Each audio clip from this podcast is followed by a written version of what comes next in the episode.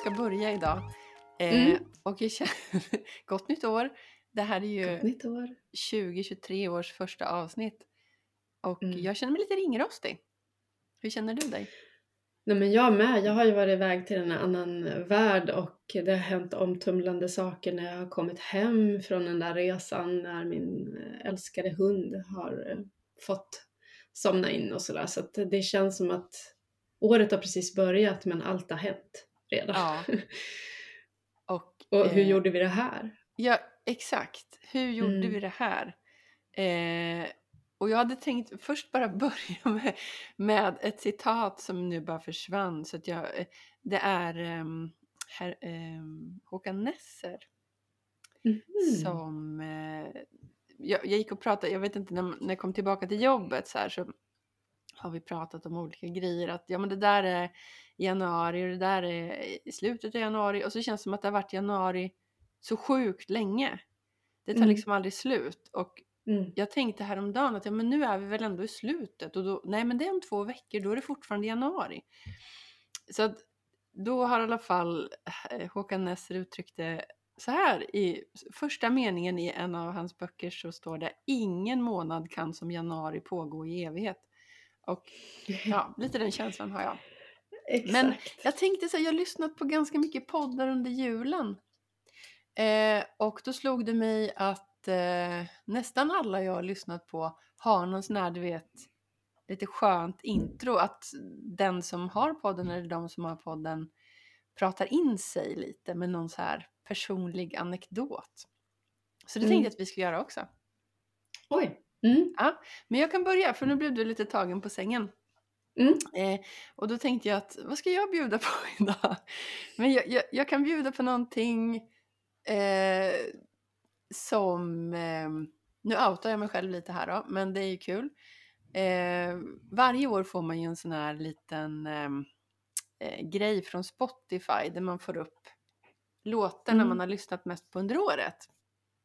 Och eh, jag vet inte om det är fyran i mig som tycker att det är ganska nice att lägga upp det här i sociala medier. Liksom kolla på mig, vilken eh, alternativ musiksmak jag har. Och då kan det gärna vara någon liten sån här låt som, som egentligen inte är kreddig men som jag tänker att men jag är ändå ensam om den här. Så att, eh, jag vill du är lägga lite speciell. Jag är lite speciell. Eh, precis. Och förra året vet jag att det var lite roligt för att första på listan var aktionen i Backhorva från eh, Emil i Lönneberga. min dotter har lyssnat så mycket. Eh, så det var ju kul i sig. Men i år la jag inte ut någon lista. För att jag skämdes så mycket. För, för det du hade lyssnat på? Mm. Och då Först- måste man ju fråga, vad, Ja. vad hade du lyssnat på och varför skäms du för det? Den första låten på min lista. Alltså, och jag lyssnar ju på Spotify jättemycket. Så Mm. att det här, det, det, jag förstår inte hur det har gått till, men jag var lite manisk ett tag, det vet jag, men ehm, och jag, det, här, det här kräver en liten bakgrundshistoria. Eh, jag är med i en grupp på Facebook som heter De fria fåren. Och det är en grupp för personer som lämnar, dekonstruerar eller ändrar sin tro. Ja, de flesta av oss kommer från frikyrkouppväxter och sådär. Och då i alla fall så var det någon gång, det var tidigt i höstas, så var det någon som la ut en länk till en låt, eller om han bara nämnde en låt som heter Vi ger våra liv. Och jag bara, det där känner jag igen alltså. Och pratade lite så här om lovsång och sånt som är väldigt vanligt i frikyrkan. Så jag, jag letade upp den där på Spotify och det var en liveinspelning från eh, Livets Ord.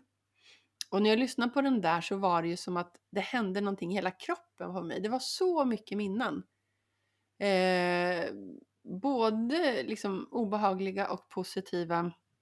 Och sen var det som att jag, jag kunde inte sluta lyssna på den där låten. Det var som att jag skulle liksom på något sätt, jag vet inte, rensa mitt system eller förstå någonting av vad det var jag kände. För ena stunden kunde jag typ så här gråta och nästa stund blev jag jätteglad och nästa gång kanske jag kände mig tom och sådär. Så jag har lyssnat på den så fruktansvärt många gånger.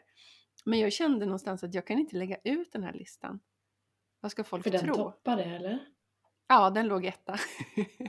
Alltså jag tror jag kommer ihåg, var det inte strax före jul där någon gång när vi sågs för att gå på Jonna Bornemark där du hade precis var upptäckt oktober. den där låten? Ja, Var det i oktober? Mm. Ja. Så det är ändå inte så många månader som du har hunnit Förstår lyssna du då? upp den till första plats. Förstår du då liksom hur manisk jag kan bli? Ja, Ja. Så det, är min, det är mitt intro. Varsågod. det är ditt intro. Och då tänker du att man kan säga vad som helst nu eftersom vi Ja. har gjort det här förut? Ja. Mm. Ja, alltså det som ligger så nära nu det är ju det där du brukar nämna flera gånger i våra program, just den här känslan när man kommer ut från en begravning och känner Ja. sig ren och Mm. ehm, jag menar, garden är nere på något sätt. Mm. Där är jag nu sen i torsdags när vår hund fick somna in. Den Mm. lilla guru i våra liv.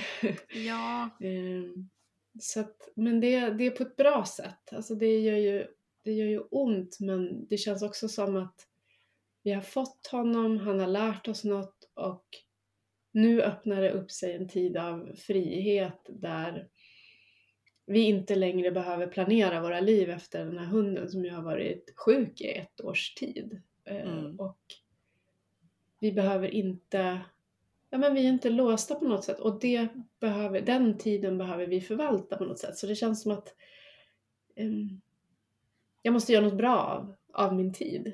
Så Mm. det, det, där är jag just nu.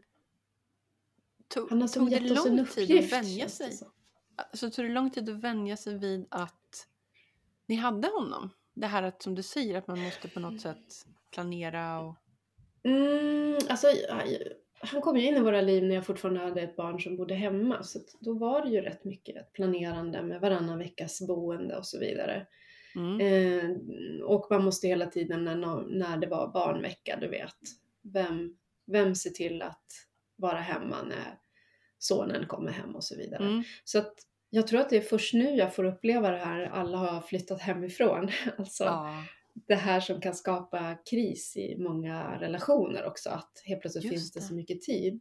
Men nu vi är ju vi är på samma bana båda två och känner ju som att vi har fått någonting, en guldklimp i händerna här nu som man kan göra någonting bra av. ja.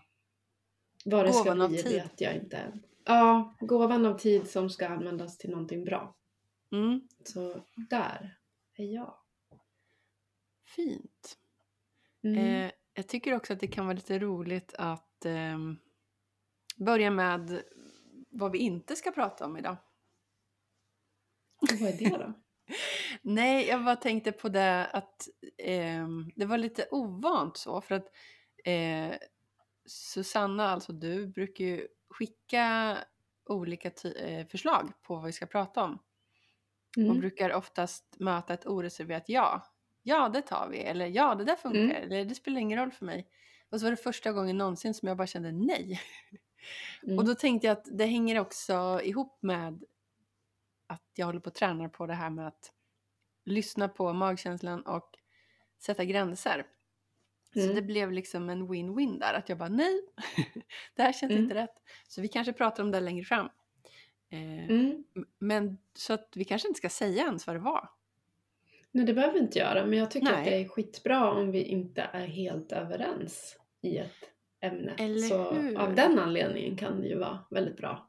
Ja. Fast det ska, kommer säkert visa sig att vi är överens ändå, men det är ju bra Och att snälla, bara problematisera vara- saker.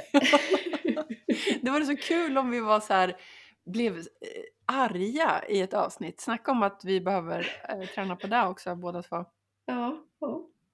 Nej men i alla fall, och då kontrade ju du med nej men eh, kom med något själv då, typ. Mm. Eh, släng in några citat eller något. Så då gjorde jag det. Eh, och då fick du välja av dem. Och vad valde Och du då kände jag ett starkt ja. Ja. Ja, men jag kan läsa vilket Mm. det blev. Eh, det är ifrån en bok som du håller på att läsa nu. Ja. Eller hur? Som Yes. jag också har läst. En sån här bok som där författaren är okänd. Man vet inte vilken det är. Den skrevs på Mm. 60-talet. Och Mm. man brukar säga att den här boken, den kommer in i människors liv. Och man läser den när man är redo. Ja. på något sätt. Mm. Mm. Och den, den heter Tarot meditationer. Och det är en, en bok som eh, den beskriver personlig utveckling, personlig själslig utveckling skulle jag vilja säga. Mm. Ehm, ur kris, den kristna hermetiska traditionen. Och det Mm. här blir för långt om vi ska gå in på att förklara vad det är för någonting. Man kan säga att det finns en hermetisk tradition och den här pekar in specifikt på kristen hermetisk tradition. Och den utgår ifrån tarotkorten Precis. och beskriver att de egentligen är nycklar till personlig utveckling, varje kort. Mm. Och det här faller ju liksom så sjukt fint på plats när man läser det. Ja. Så att ja, man hör den här änglakören så många gånger. Det som du säger, det blir synkronicitetsregn. Det var du det- som när- myntade uttrycket häromdagen ska jag be att få tala om. Var det det? Okej. Japp. Ja, då tar jag på mig äran på det då, men jag har ju redan Mm. glömt det. Men det här citatet har du plockat därifrån i alla fall, som kommer från det första kapitlet. Mm. Lär dig först koncentration utan ansträngning. Förvandla arbetet till en lek. Gör varje ok du accepterar skonsamt och varje börda du bär lätt. Mm. Och det där ska ju alltså då vara, det är ju första kortet i Stora Arkanan som är magiken. Eh, och på något sätt så ska det här vara någon slags, om jag förstår det rätt, för att det är ju, som du säger, man, man måste läsa den när det är rätt läge för att vissa dagar när jag tittar på texten så är det som att ingenting går in och sen vissa dagar är det som att det liksom bara sugs in och sen så bara ja men det är ju precis som det där jag läste där och det där är som det vi pratade om där och det här hänger ihop med det. Mm. Ehm, och då, första kapitlet, Magiken, eh, är som någon slags grundförutsättning för de övriga korten i Stora Arkanan som jag förstår det. Så Mm. att det här är på något sätt det som allting utgår ifrån. Mm. Och knäcker man inte den här koden, om man inte liksom kan börja på något sätt få den att verka i sitt liv, så kommer man heller inte komma vidare med de andra korten. Precis. Eller de andra stegen i utvecklingen om man säger så. Mm. Som jag förstår det som. Man får Varför läsa valde du- långsamt. Ja. Ska jag läsa det citatet långsamt? eller? Nej, utan mer att Nej. man, man får verkligen läsa den här texten långsamt. Det, det är inte någon Ja. bok man plöjer. Jag, jag är fortfarande bara på, jag har precis börjat med andra kapitlet men nu när jag bläddrade tillbaka och kollade på um, inför nu att vi skulle prata så då fick jag ju lust att läsa om kapitel 1 igen för att va, men var det verkligen så här? Mhm. Hjälp! Förstod jag det här när jag läste det första gången? Men man får väl gå Ja. tillbaka flera gånger. Ja, men det tror jag att man måste göra. Det är en tjock Mm. bok. Men vad hände med Men- dig när du läser det där citatet?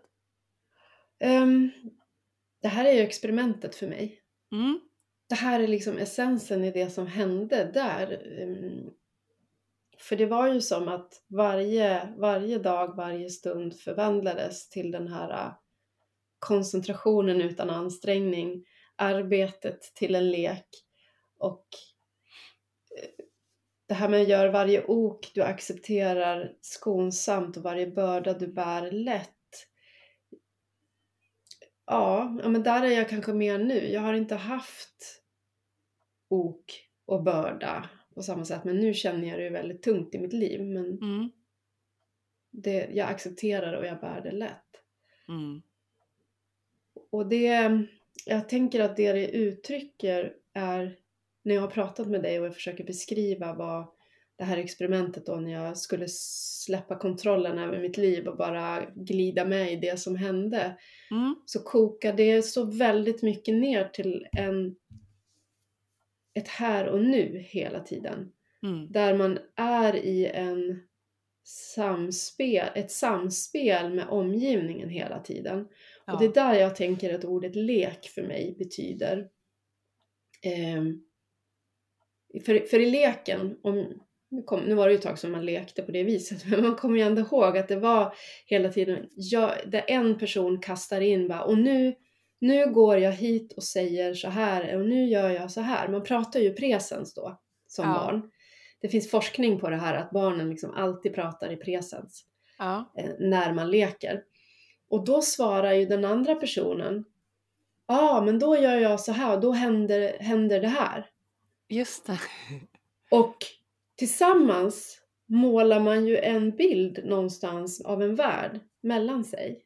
Ja. Det är för mig lek. Man kan ju leka för sig själv men då är det ju ehm, då har man flyttat in det och det är egentligen bara en aktör som skapar bilderna. Det Ja, det är här är ju verkligen att gå ut i ett samspel tillsammans med allting som kan hända i omvärlden.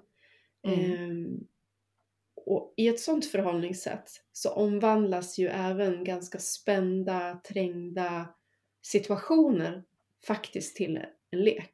Ja. Vad, där, där, när jag kliver in i den situationen så behöver jag ha, jag riktar all uppmärksamhet till stunden som är här och nu. Jag släcker ner alla mina bilder utav vad jag vill ska hända och vad jag kanske vill forcera fram i den här stunden. Utan Mm. jag öppnar mig för dig och lyssnar på vad, vad slänger du in i det hela? Vad Ja. säger du? Vad nu, och nu går jag hit och nu gör jag så här. Alltså, man får ju koka ner det på ett, ett vardagsnivå. Tänk arbetet, att det, det är liksom komplexa saker händer och så.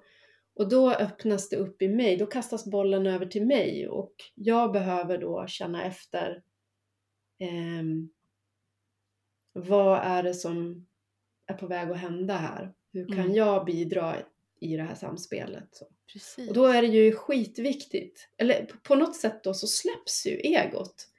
Egot Ja, tappar sin makt på något sätt för att egot är alltid i dåtid och i framtid. Men Mm. här är det nuet så, så egot blir ganska så, Sekundärt. ja och maktlöst. Mm. Den kan ju skicka in puffar och alltihopa men i och med att om du fortsätter att rikta situationen mot samspelet som pågår och samtidigt har du riktat in det mot, ja men vi säger hjärtat nu då. Mm. Vad är det jag uppmärksammar i den här situationen och vad är det som talar tydligt i mig att jag ska göra, bidra med nu? Vad är det jag ska säga? Så. Ja, jag tycker det är spännande för att jag börjar direkt tänka på, ja men både på jobbet, och det kan vi fortsätta prata om, men jag, det första som, jag, som slog mig nu när du pratade är ju just, ja men särskilt nu när man sitter så här och poddar. Det är lätt att man hamnar i ett tillstånd där du säger någonting och sen börjar jag direkt tänka på nästa sak som jag ska säga. Mm. Men som jag tolkar det i det här så är ju koncentrationen handlar här och nu om att vara i det du säger. Och Mm. att inte glida iväg in, hur ska jag komma på något smart att säga nu så att det verkar som att jag hänger med eller att, ja, Ja, kan jag slänga in en liten rolig kommentar. Så att det handlar väldigt mycket om det egna ansvaret. Eh, det handlar väldigt mycket om just koncentration. Och det Mm. blir tydligt hur sjukt svårt det är. För jag, jag kan se det här själv liksom i jobbsammanhang också. Man sitter på ett möte till exempel. Och så kanske man gör tre saker samtidigt. Någon Mm. berättar någonting. Jag kollar ett mejl samtidigt som det händer någonting på telefonen. Mm. Eh, när den här personen borde få min odelade uppmärksamhet. Och det jag märker vilken skillnad det blir de gångerna som jag faktiskt viker ner skärmen på datorn, tar bort telefonen, lyssnar helt och hållet på vad den här personen säger. Och tänker jag är exakt här, exakt just nu och lyssnar bara på dig. Mm. Men jag menar det är som att hela, hela samhället motarbetar ju exakt det här första kortet. Precis. Koncentrationen Skol, liksom. Skolgången och alltihopa leder Ja. ju fram till att vi ska bli splittrade Mm. i tanken på något sätt. Ja, Och, och, och om det är någonting vi i så fall någonsin fokuserar på så är det vår egen idé om exakt vad vi vill uppnå och vill ska hända. mm. Och så försöker vi forcera fram det och så blir vi ja skitförbannade på den andra människan för att den är inte med på min idé. exakt.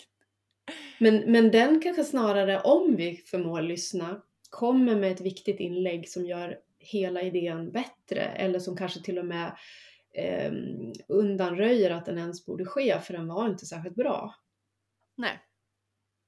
Precis. Men eh, då blir vi kanske kränkta då snarare om den personen säger någonting åt det hållet och tycker han är en jävla idiot och som alltid, du ska alltid köra över mig eller du lyssnar aldrig på mig eller mm. Exakt. För det slog mig också så här. Jag, jag är nog lite av en mästare på det här med att... Jag har nog tänkt på det som någonting bra liksom. Jag tror att det är dopamin. När jag tänker efter nu. Det här att få... Jag, vet, jag tror jag har pratat om det här tidigare någon gång. De olika... ehm, eh, vad kallar man det för? Områdena som man behöver för att må bra. Vi har prestation, vi har hot, vi har trygghet.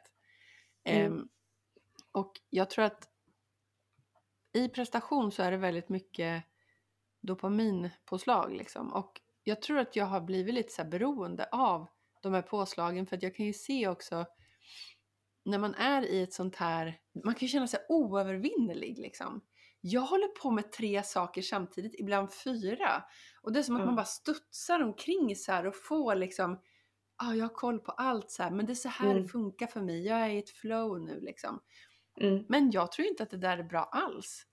För jag tror att man blir beroende av det och jag tror att man tappar den här förmågan till, till koncentration, till, man blir rädd för tystnad.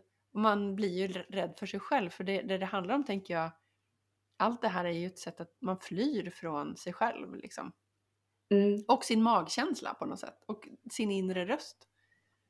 Ja, därför att där finns det ju oh, man kan ju hålla tillbaks sig själv på så många plan. Man kan, man kan hålla tillbaks de här impulserna som man själv vill bidra med till situation, situationen för att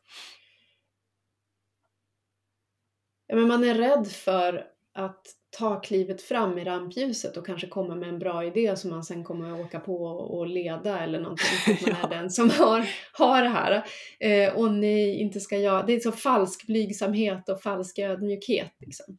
Eller lite Eh. att man faktiskt är lite lat. Och lat kan det vara, Mm. men ja, jag vet inte. I mitt eget fall så är det jäkligt mycket tror jag falsk Ja. ödmjukhet och blygsamhet. Så, Åh nej, inte ska jag. Så därför så håller jag hellre tyst. Mm. Men det kan ju också vara, ja men det kommer en sån här stark kraft av att eh, vilja forcera fram någonting också. Du ska göra som jag vill, du ska vara som jag vill. Du ska säga det som jag vill. Du ska reagera exakt så som jag vill. Ja. Ehm, och det är ju, tror jag, mer rädslobaserat. Eller alltid rädslobaserat som egot har, men det är mer direkt koppling att jag uppfattar dig som ett hot.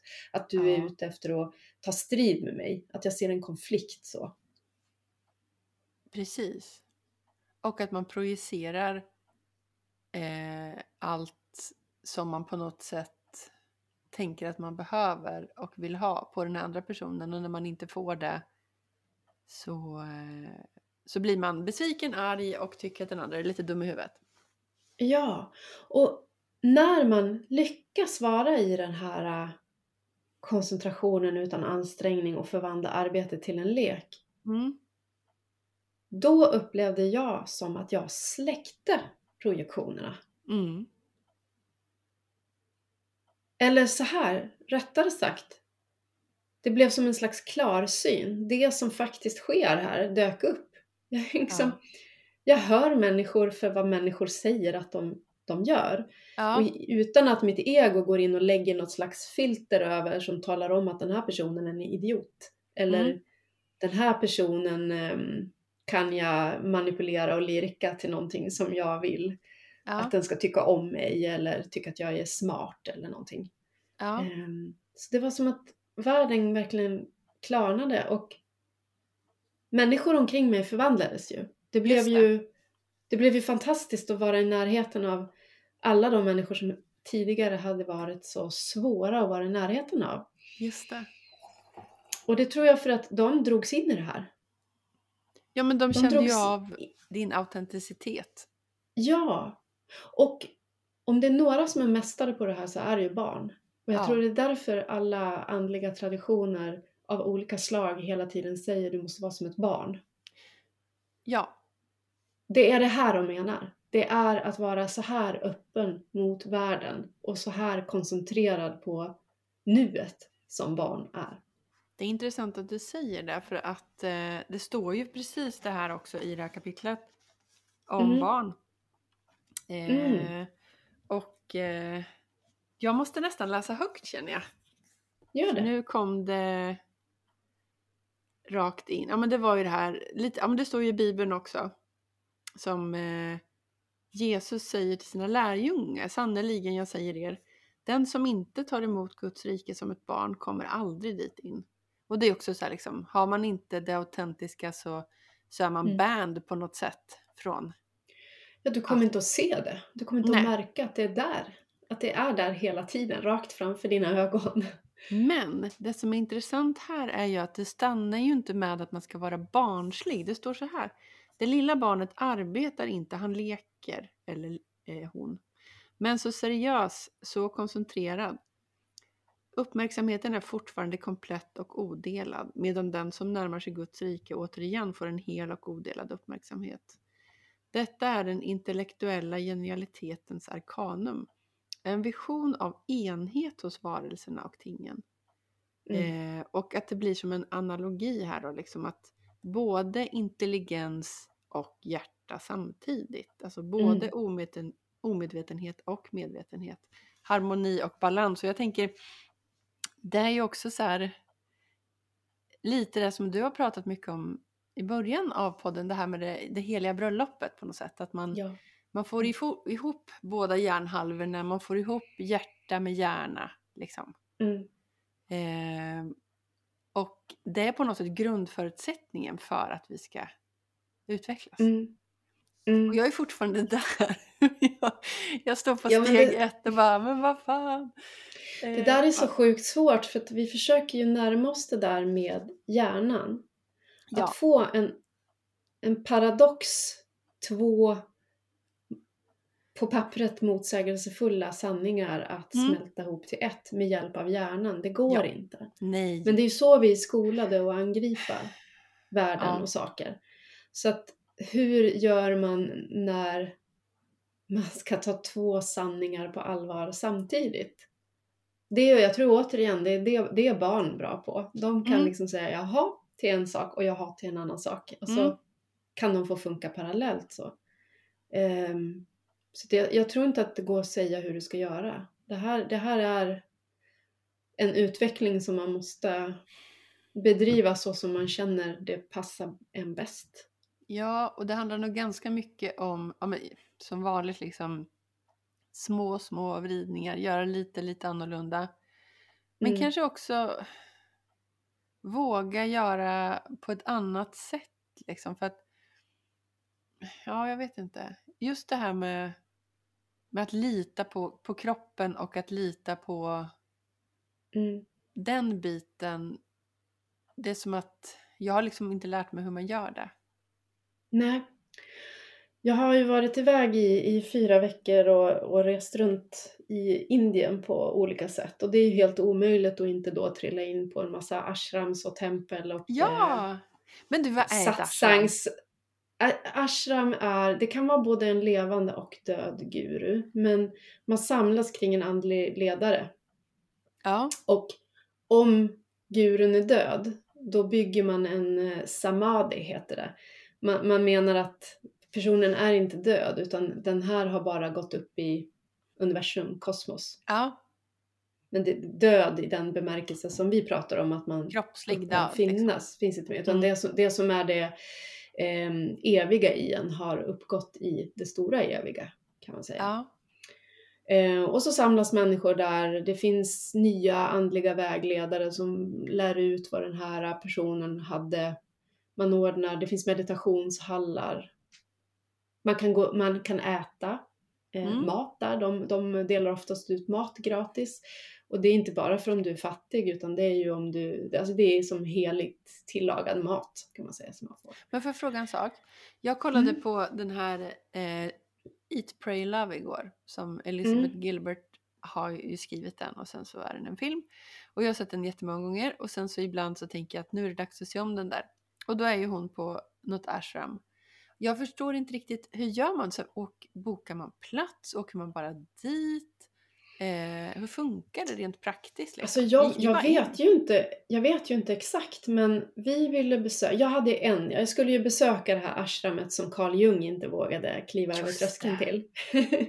Ramana Maharshi som finns i Tiruvan- Tiruvannamalai heter den Okej. orten.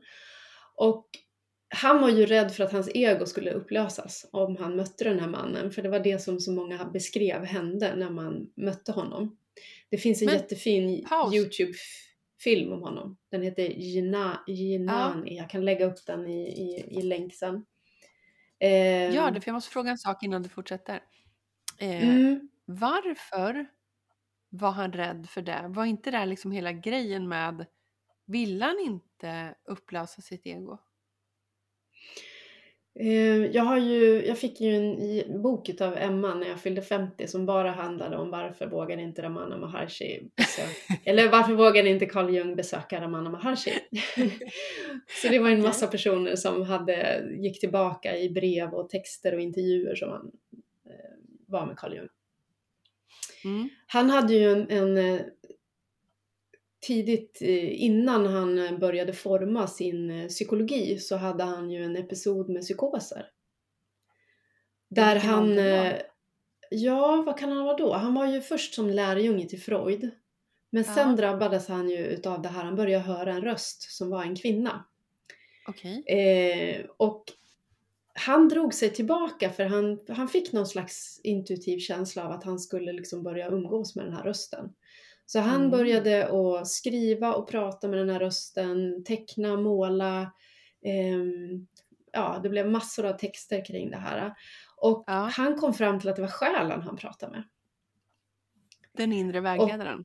Ja, eh, självet. Eller Mm. vad ska man säga, själen. Men det här, det här blev, så småningom så kom man ju med sin te- teori om anima och animus och den håller ju inte jag med om och den tror jag blev lite galen. Men man kan inte hålla med om allt som Carl Jung har gjort. Nej. Men, ehm, och då, han formade hela sin psykologi sen med den här, e- alltså det var inte nytt med egot men han eh, byggde på den och la till det här med självet. Och självet är ju, det fick han nog ifrån de hinduiska traditionerna där man kallar världssjälen för självet med stort Mm. S. Och så finns det själv, självet med litet s och det är ju liksom mer en personlig del. Ja. Eh, det lilla jaget då, det är mer egot.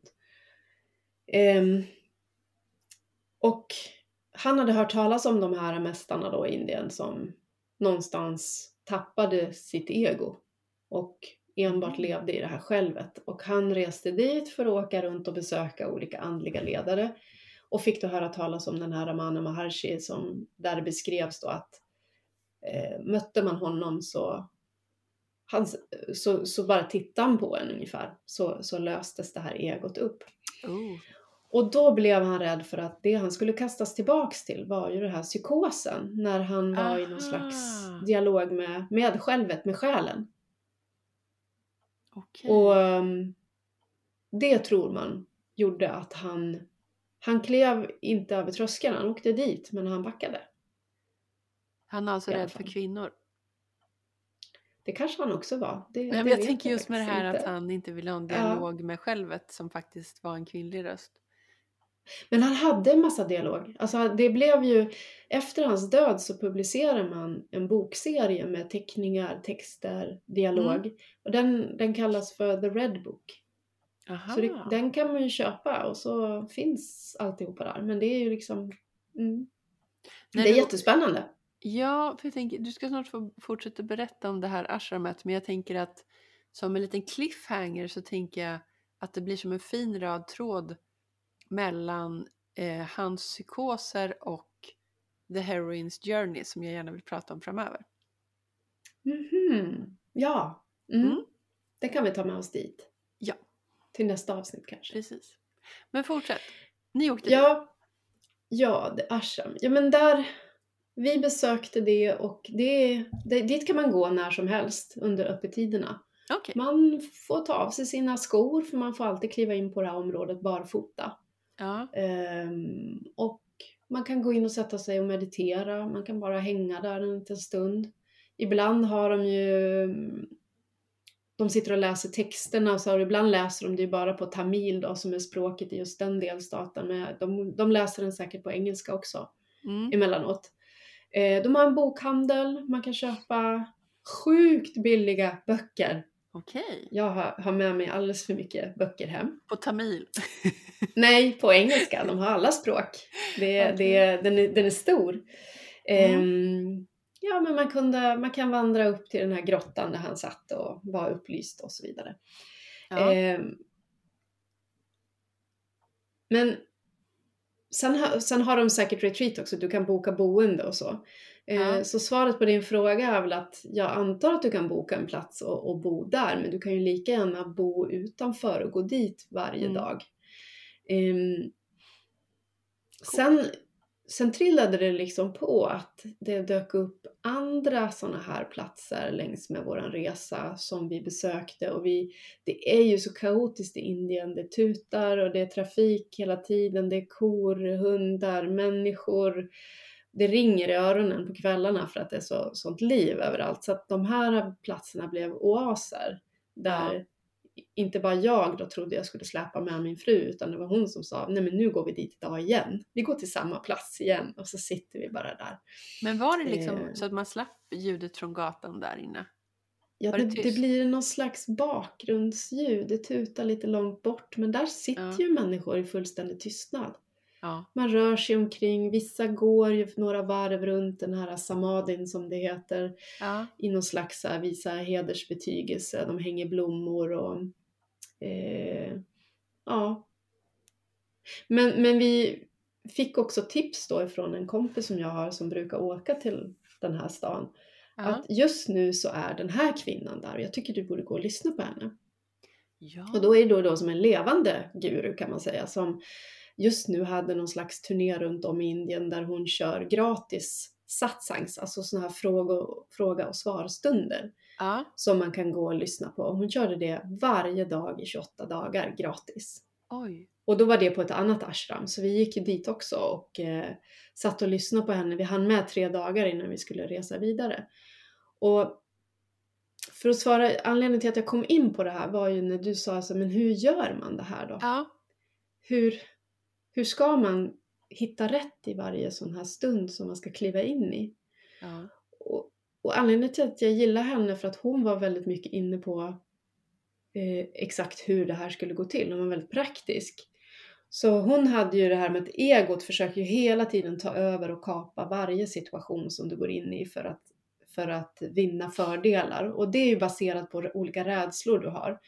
Rädslor som driver dig till att vara en viss typ av personlighet så att alla andra ska tycka om dig eller gömma Ja. undan då en massa sidor hos dig själv och en massa idéer, även goda idéer som Ja, ja. du av olika anledningar har fått lära dig är fel. Men hon menade då att det vi behöver och det vi framförallt i västvärlden behöver, för hon sa i den indiska traditionen, där får man lära sig att eh, och buga inför först sina föräldrar. Man lär sig att vidröra eh, sina föräldrars och sina far och morföräldrars fötter. Sen Ja. så invigs man i att buga för familjens guru. Det kan vara en levande eller död så. Eller, och gudarna. man Just det. introduceras Alla för dem. har De ska, guru. man, ja, de ska man också buga sig inför. Så man får som en tradition att buga sig inför. Men hon menade ju inte att indierna var fria från ego för det. Utan man måste fortsätta med den här att Ja. överlämna sig, böja sig. Så att man kliver in i en situation och tudelar sig lite grann. Som att man består både av en inre del som är självet, som är, är intuitionen och sanningen eller vad man ska säga. Ja. Eh, och sen har man egot som har sin egna personliga agenda. Och kliver man in i en sån situation och så dyker upp egots röst så här, då ska man genast på något sätt inuti böja sig så här. Eh, ja, men jag, jag böjer mig för det här centrumet som jag har som, som vet, vet mer. Den är källan till allting. Eh, så lugnar sig egot. Alltså det, det är egot som ska lära sig att ödmjuka sig och bli en följare till det här inre istället. Så uttryckte låter hon precis- det. Det låter ju precis som eh, The Heroine's Journey. Att det manliga ska buga sig och tjäna det kvinnliga Ja. i liksom. Precis. Jag Ja. har, jag har, det kommer postas ett inlägg idag där jag har försökt att sammanfatta det här och jag skriver det också i de termerna av maskulina och Alltså, feminina. Spännande. Eh, som inte har med kön att göra överhuvudtaget Ja, utan ja, nej, alla nej, har utan en mas- bara... Maskulin princip och en feminin princip i sig. Ehm, exakt, och jag menar du kan ju hitta det även i vår kristna tradition där det hela tiden är ske din vilja. Och där pratar man om Guds vilja eh, som den här inre intuitionen. Och ja, att man ska liksom böja sig för det, man ska ge upp sin egen vilja. Och det här vet du, säger man det i, i västvärlden då blir det ju tvärpanik. För att vi, vi ska ju vara så självständiga, vi ska ja, vara vår, eh, vad är det, vår egen lyckas smed och så vidare. Vi ska aldrig förlita oss på helheten som det ju är om du kliver in i en situation och börjar gå i samspel med resten av livet som Men du pågår omkring dig. Jag, jag tror kanske att det är för att vi missförstår det. Nu ska du Mm. äntligen få dricka lite. Nej, men för, jag tänker på, på mig själv här och hur jag precis nu håller på och tränar jättemycket på det här med gränssättning. Mm. Att inte följa direkt den andra. Att inte bli den andra i en relation eller tro att någon annan hela tiden vet. Att gå inåt, att lyssna, skapa Mm. tid, skapa plats för tystnad. Eh, och det handlar ju inte om då att man ska liksom buga sig eller ske din vilja till någonting, någon som vill någonting liksom egen, som har en egen idé om vad som är Mm. bäst. Utan det här är ju på något sätt det stora alltet eller vad man ska säga. Det handlar ju om det som förenar oss allihop, att det är där man bugar sig för, tänker jag. Inte någon Ja, men annans det här ego. har ju du och jag varit inne på tidigare. Att jag, Ja. jag tycker inte om ordet gränssättning i det där sammanhanget. Nej, men, jag men tycker ju för om gräns... lyft hinder istället. För det som talar inifrån dig som vill säga ifrån är ju självet. Ja, men Och du ska liksom... inte hindra det utan du ska hindra egot som, som tidigare har fått dig att backa och istället säga nej men gör som du vill. Jag gör som du vill. För mig är ju det att, att skapa, inte, för jag tänker att det som händer, eh, som jag inbillar mig händer när jag säger gräns, är Mm. att du tänker att jag reser någonting mot. Mm. Men det handlar ju inte om, för jag tänker i... eh, Kontur, att- om du använder kontur Ja, exakt. För Det- det, kommer, jag det kommer är in på det här viktigt. med, ja, det här som du skrev i förra inlägget om, tror jag, var det förra inlägget? Att det, Ja, det det- var ju för om att det ska min... Ja, och för att det ska kunna existera en... Eh, du får gärna säga vad det var du skrev, men att det Jo men för att det ska två- kunna finnas eh, relation så måste det Ja. finnas konturer kring två centrum som Exakt, någonting kan verka emellan. Det är där- det jag är Mm, ute och far efter. precis. Så jag tror vi Ja. menar samma sak fast vi har olika ord för det bara. Ja, jag är bara så rädd för ordet gränssättning Jag för det vet. kan egot kapa så jäkla lätt. Bara, nej, ta ingen skit. Jag nu vet- ska du Oh! få din vilja igenom. Vet du Mm. vad? Jag har en jättebra eh, li- eh, liten, vad ska man säga, ett litet sidospår till det här, tänker jag. Mm. Eh, där det är väldigt lätt att se ego och eh, annat så, tänker jag. Eh, men när jag är ute och går, för jag är ute och går jättemycket, det händer väldigt mycket i mig när jag promenerar. Mm. Eh, och eh, en sak då som man måste på något sätt, eh, ja, eh, so- som dyker upp när man är ute och går, det är andra människor. Och låt säga Mm. att man är ute och går på en sån här eh, trottoar eller cykelbana. Då är det så här regel-Linda som ska göra rätt börjar så här, okej nu är jag på en trottoar, då ska jag gå på höger sida. Nu är jag på en gång och cykelbana, alltså ska jag gå på vänster sida. Eh, men grejen är att, och det här, är inte, det här tycker jag blir så roligt för att reglerna är ju en sak, men sen kommer en människa då och går på egentligen fel sida utifrån reglernas sätt. Mm.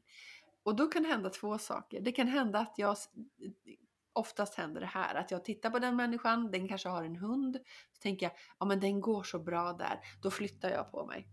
Eller Mm. undrar vart den där människan är på väg. Den ser ut att gå... Går den i mitten? Är den på väg åt höger? Är den på väg åt vänster? Ja, men då går jag höger. Ja, men då går jag vänster. Och det, det händer att jag byter så flera gånger också för att anpassa Mm. mig.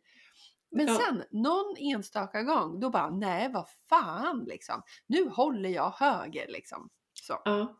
Och sen håller jag höger, men då är ju inte det heller ett sätt som känns 100% autentiskt, utan då blir det mer så här, det är ju ett ego-höger. Att Ja, nu men ska du jag kanske måste prova det. Förstår Ja, du? Du men- måste prova hur det känns. Vad händer då? Inget känns bra. Nej, men då, du, då har du testat det. För att jag tror att du följde en impuls att du var tvungen att, att, att bryta det gamla tänket genom att göra tvärsom. Men Ja. så inser du att nej, det var inte bra heller. Du behöver ett tredje. Ja, vad är det då? För, så, för, för, för annars så, så blir det ju inte det heliga bröllopet. Nej men det är alltid ett tredje. För om du, all, för om du, all, om du håller dig till att göra på ett sätt, som du har Ja. gjort tidigare, och så, Ja. helt plötsligt bara, nej nu fan i mig ska jag sluta med det där, jag ska vara tvärsom. Mm. Då är du ju fortfarande kvar på samma skala av samma Just det. sak. Fast du gör bara tvärtom.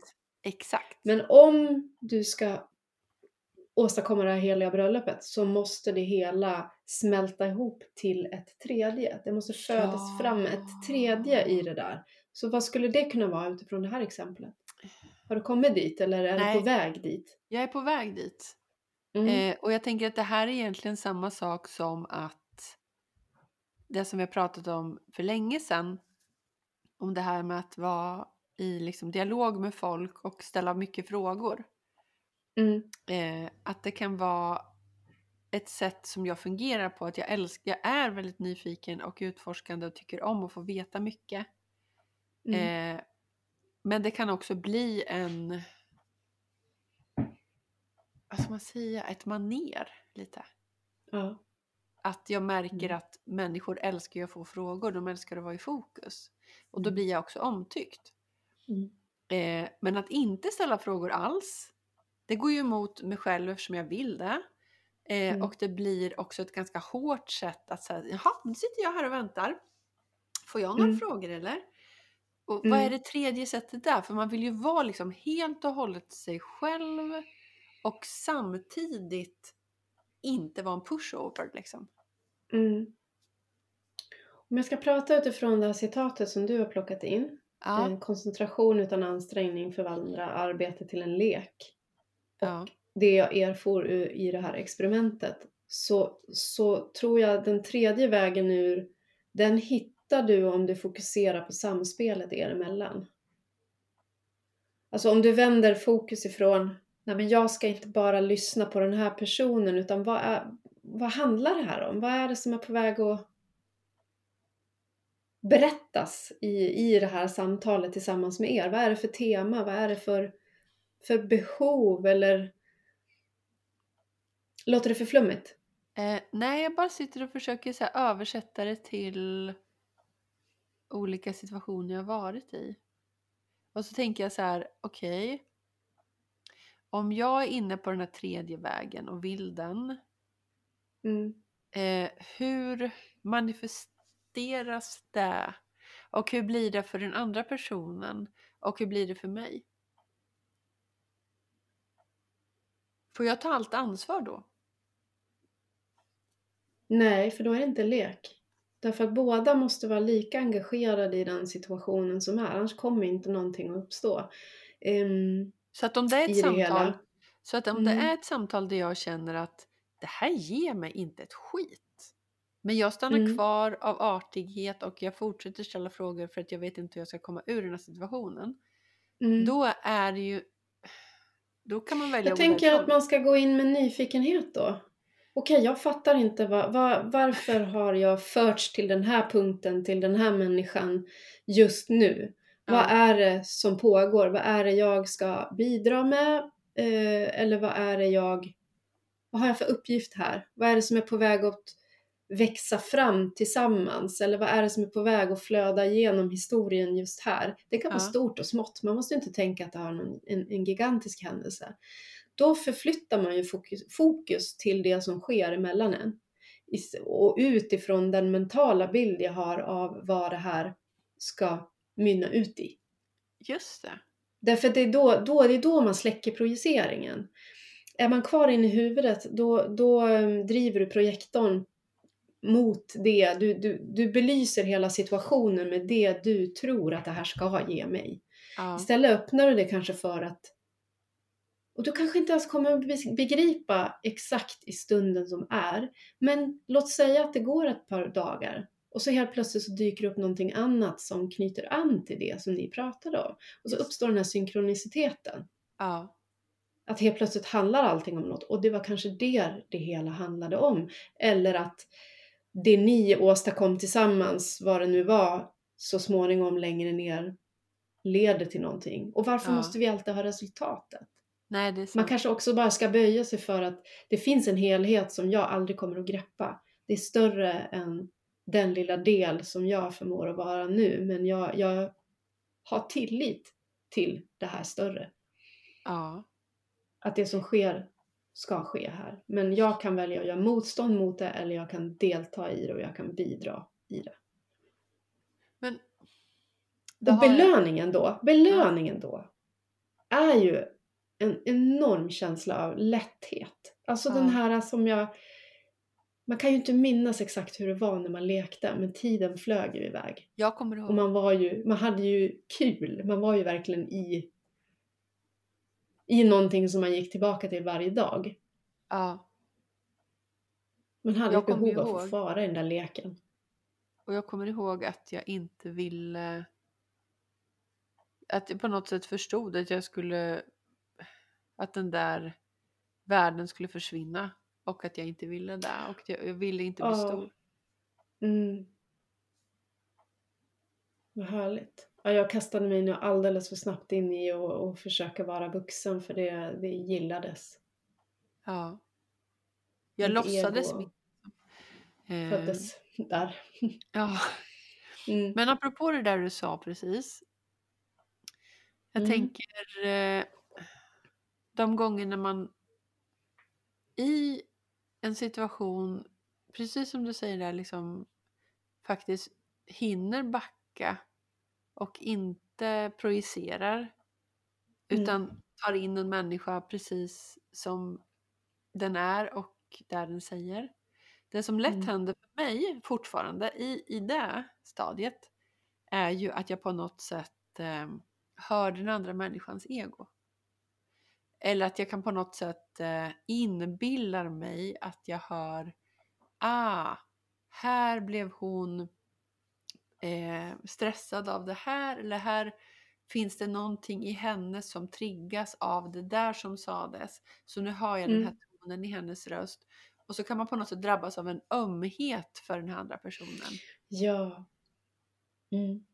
Precis, för att det kan ju vara, ja. Mm. Och det är någonting fint, alltså du har ju en förmåga då att, även om den personen inte helt är med på banan, om du kliver in med den där klarsynen, men då har ju du en möjlighet att Ja, men man behöver ju inte konfrontera den personen med vad man har sett. Men du, du har ju Ditt inre sett barn är sårat, jag Ja, hör det. jag ser minen framför mig. men, men, men däremot har man ju en chans att säga, du ser rädslan hos den här personen. Ja, Du har ju en chans då att säga någonting som talar, inte till, till egot, utan talar till det där lilla barnet. Alltså du, du kan ju, ja men, åh, det här finns ju inga manuskript för det här. Utan det är ju verkligen, när du är där i stunden, så om du vänder dig inåt, vad vill jag säga nu? Vad behöver bli sagt nu? ja, Om du ger fanken i att tänka ut vad som är rätt Mm. att säga och så går du på den impulsen du känner inne istället. Och så ja, säger du det. Det kommer att bli rätt, jag lovar dig. ja, Det kanske är stapplande först för att du, det finns någonting i dig som håller tillbaka. Herregud, jag kan väl inte säga det där. Eller jag vet inte vad jag säger nu, utan jag bara pratar. ja, Ehm, Men, men, och det vet jag att jag har nämnt förut i tidigare avsnitt det här som Heidegger gjorde skillnad på talet och pratet. Ta, talet är det som kommer spontant inifrån där du inte vet vad du har att, vad du kommer att säga. Men det är ett rent eh, från hjärtat. Att man pratar Eller rent, från- ja. Från, från själen eller från anden eller vilket uttryck du än vill använda. Atman som de hade sagt i Indien. Ja. Det är liksom lite George Costanza igen på något sätt här med opposit. För jag tänker att i takt med att vi lär oss att prata rent Mm. så lär vi oss att prata orent. Ja. Mm. Exakt. Den, den är... eh, Samt, på samma gång som det är beklagligt så funderar jag ibland om vi inte måste gå vilse först. Jag tror vi har konstaterat att vi måste det. Vi Ja, måste det- lägga det på de här, den här leran på den gyllene buddhan. Ja. För att... eh, Ja, för att vi, vi utvecklar ju, om man säger att, att kroppen är, ja, eh, kroppen är någonting formbart när vi är små. ja, så, så prä, präglar vi ju också in olika egenskaper i den här kroppen. Precis. Vi blir ju bra på olika saker.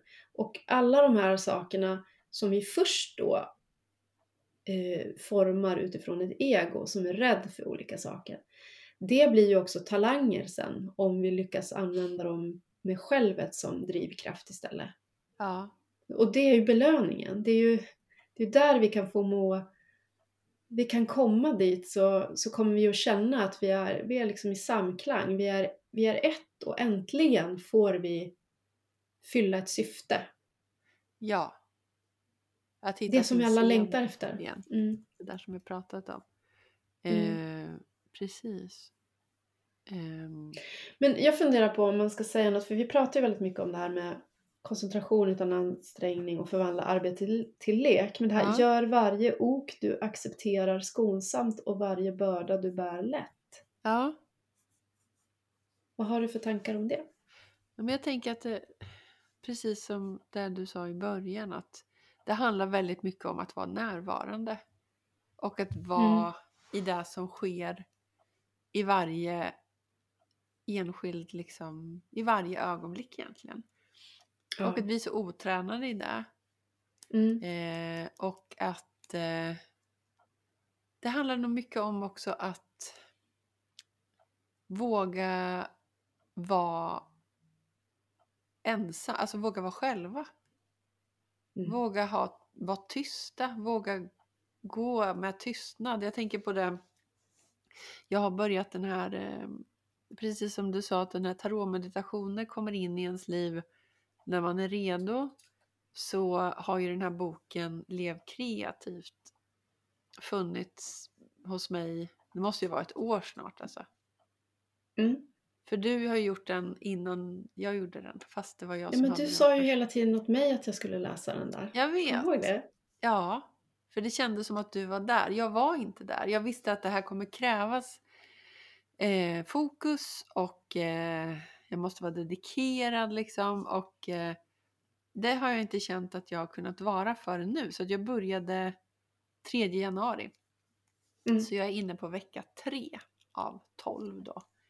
Mm. Men jag känner ju någonstans att det här var precis det jag behövde. För att det blir på något sätt en... Eh, ja men lite så här struktur, metod till någonting som behöver eh, ringas in och eh, fångas, fångas liksom på något sätt. Eh, och det, vi har säkert pratat om det förut men det handlar ju om det som återkommer varje vecka är ju morgonsidor, tre stycken. Eh, vilket i sig då, jag som har barn varannan vecka tänkte hur fan ska jag få till det här? Och vi åker från Nora till Örebro varje dag. Så nu har jag ställt klockan på en halvtimme tidigare och så skriver jag de där morgonsidorna. Eh, och sen så ska man gå på konstnärsdejt med sig själv en gång i veckan också. Förutom lite andra uppgifter då som ingår i det här. Mm. Eh, och det som sker då med den här regelbundenheten av att skriva morgonsidor det är ju att jag får en halvtimme fokus eh, först på dagen liksom, där jag bara skriver. Och Mm. det som är intressant med det här är ju att jag hade ett väldigt starkt motstånd mot dels att någon talar om för mig vad jag ska göra och sen att någon säger att jag ska skriva på beställning. Det var jobbigt. Men grejen är att man kan ju skriva vad som helst. Och de första dagarna var det väldigt mycket så här. Eh, det här är så tråkigt. Fy vad arg jag är. Jag vill inte skriva. Jag vill äta frukost. Jag är hungrig. Bla bla bla. Sådär. Sen helt plötsligt så kommer det. Och det här, det här det är liksom varje dag. Så kommer jag in på någonting. Som jag får syn på hos mig själv. Och så kan Ja. jag utforska det liksom. Där och då i skrift. Mm. Eh, och det är väl precis exakt just det som jag har behövt. Det här verktyget att formulera mig. Eftersom jag är i min skalle typ hela tiden.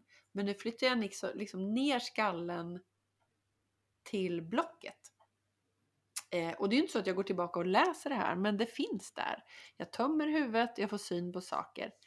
Eh, och då har man på något sätt en regelbundenhet i tystnad, eller vad man säger. Koncentration också, som vi är inne på här. Ja. Det är ett fokus liksom. Eh, och i varje, på varje vecka finns det också ett antal andra uppgifter som, man behöver inte göra alla sådär, men där var det också så här olika saker man skulle skriva upp hur mycket man gjorde av liksom, och balansen mellan dem. Och då, då handlar det ju en hel del om det här med tystnad och eh, ja, andlighet fanns med och sådär. Eh, och då, försök, då har det liksom blivit naturligt att jag känner det behovet. Liksom. Ju mer man får Mm. in av det här i sitt liv, desto mer cravar man det också. Liksom. Så att Ja. eh, det tycker jag, det lirar, hela hennes bok lirar så sjukt bra med det här citatet. ja. Självet är en mycket bättre kompis än egot. Eh, faktiskt. du tycker det? Ja, och, och tycker inte du att precis som du beskriver där eh, så tänker jag att det var så för mig också att först så tar egot till orda Ja. och är sådär mm, gnälligt och, Ja. och det är lite problematiskt allting sådär och tjorvigt och Ja. ganska mycket hårda ord mot mig fick jag fram i de där. Ja. Men med, med, med tiden som du säger, när man tystnar och när man vänder sig inåt. För jag skulle vilja säga att när jag, i den där skrivprocessen så vände jag mig väldigt mycket från huvudet ner till hjärtat på något sätt. Och Mm. där började det komma saker som förvånade mig. ja. Det var inget jag hade tänkt ut att det skulle ner på pappret för att det var smart eller Precis. klokt. Exakt. Det är det som är så häftigt. Eh, Mm. Det rekommenderas verkligen. Jag ska lägga upp det där också. Eh, vad hon Ja. heter och vad boken heter. Så ifall någon För är jag- lite sugen. Jag tänker liksom att förr eller senare så är det dags. Eh, Mm. Och för mig var det så tydligt, det, det är dags nu. Precis Ja. just nu liksom. Ehm, Och det, det rimmar ju verkligen med citatet du har valt. För det är... Det handlar ju om kreativitet, inte bara i form av konstnärligt skapande utan även eh, i vad som helst. I vilket arbetsliv som helst eller i, i det vanliga vardagliga livet också. Ja. Och jag tror det var det som fick mig lite så här anti i början. För jag tänkte att men jag ser väl ändå inte framför mig att jag ska skriva en bok eller att jag ska eh, komponera en symfoni eller att jag ska måla en tavla. Mm. Men det jag märker är att det blir precis det här som jag är ute efter. Den Mm. personliga utvecklingen och att eh, förhoppningsvis också tänker jag så kommer hjärna och hjärta att närma sig varandra och bli mer kompisar. Mm. Och att kroppen får vara med Mm. eh, för första gången. Ja, Någonsin. men det är ju verkligen 12 veckor av att träna sig att eh, väcka liv och återupprätta det feminina i en. Ja, Eh, som jag tror att alla behöver. Eh, no shit. för att vi, vi är så fruktansvärt tränade i att bara använda vänster hjärnhalva hela tiden. Ja, Och då kommer man heller inte att kunna kliva in i de här situationerna och få till det här leket. För att i de där lekarna så var den vänstra hjärnhalvan, den, den fanns kanske i bakgrunden för att bygga erfarenhet som den kunde använda i nya utmaningar för att ta sig fram i leken. ja, Men det var inte den som ledde leken. Utan det var fantasin och den högra hjärnhalvan eller själen eller eh, självet eller vad man nu ska Precis. kalla det för. Och det här Mm. tycker jag att jag kan se på jobbet att eh, jag har nog alltid tänkt på det som något så här, vad ska man säga, o, eh, oseriöst. Att jag måste ha Mm. kul på jobbet. Men jag märker Mm. ju vilken skillnad det är när man i en arbetsgrupp har roligt. Mm. Det blir så här, allting blir ju bättre. Mm. Det man gör, hur man Mm. mår, hur man relaterar till varann. Eh, Ja. Så att jag tänker jättemycket att rakt in med det här i arbetslivet liksom. Eh, Ja. Och strax innan min kollega gick i pension så fick jag en, eh, någon slags manifest från någon snubbe i Storbritannien som han hade, han hade kommit över det här på något sätt. Eh, som heter The Playful Leadership. Som är jättebra. Eh, det kan vi prata om någon annan gång. Jag hittade inte det nu när jag skulle kolla inför idag. Eh, men där det handlar jättemycket om ett ledarskap som utgår ifrån lek. Mm. Spännande att du tar upp det där. Det där kan vi ha som tema någon gång. För jag, Ja. har, jag har några böcker på ämnet. Såklart Så. du har. som bottnar i taoism och eh, den andra, den andra har jag inte läst än. Jag, jag har känt att jag går och väntar på rätt tillfälle. Sen har jag eh, en bok som handlar om holokrati som Okej. jag också har läst. Det har jag talas om. Vad är En holokrati? slags holokrati. Oj, det, är för, det går, tar för mycket tid att gå in på det. Men det, man kan säga att det också har med ett ledarskap som, som är väldigt mycket koncentration utan ansträngning, förvandla arbetet till lek och, Ja. och se hela organisationen som en organism.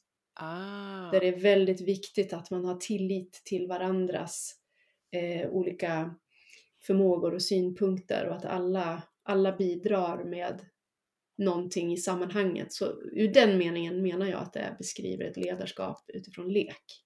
Just nu En fick jag en organisation. Ja, just nu fick jag en känsla av att allting hänger ihop. Allt liksom så här. Ja, är du nia eller? Nej men det blir så coolt med, med eh, hur allt, jag tänker bakåt så på jobbet också med mm, kring det här med ja, men just paradoxer, att omfamna paradoxer. Att det går liksom inte att välja det ena eller andra. Man måste ha in alla färger, alla sidor och att det är dags för väst att ta öst i handen. ja. Och Verkligen. Och-. Mm.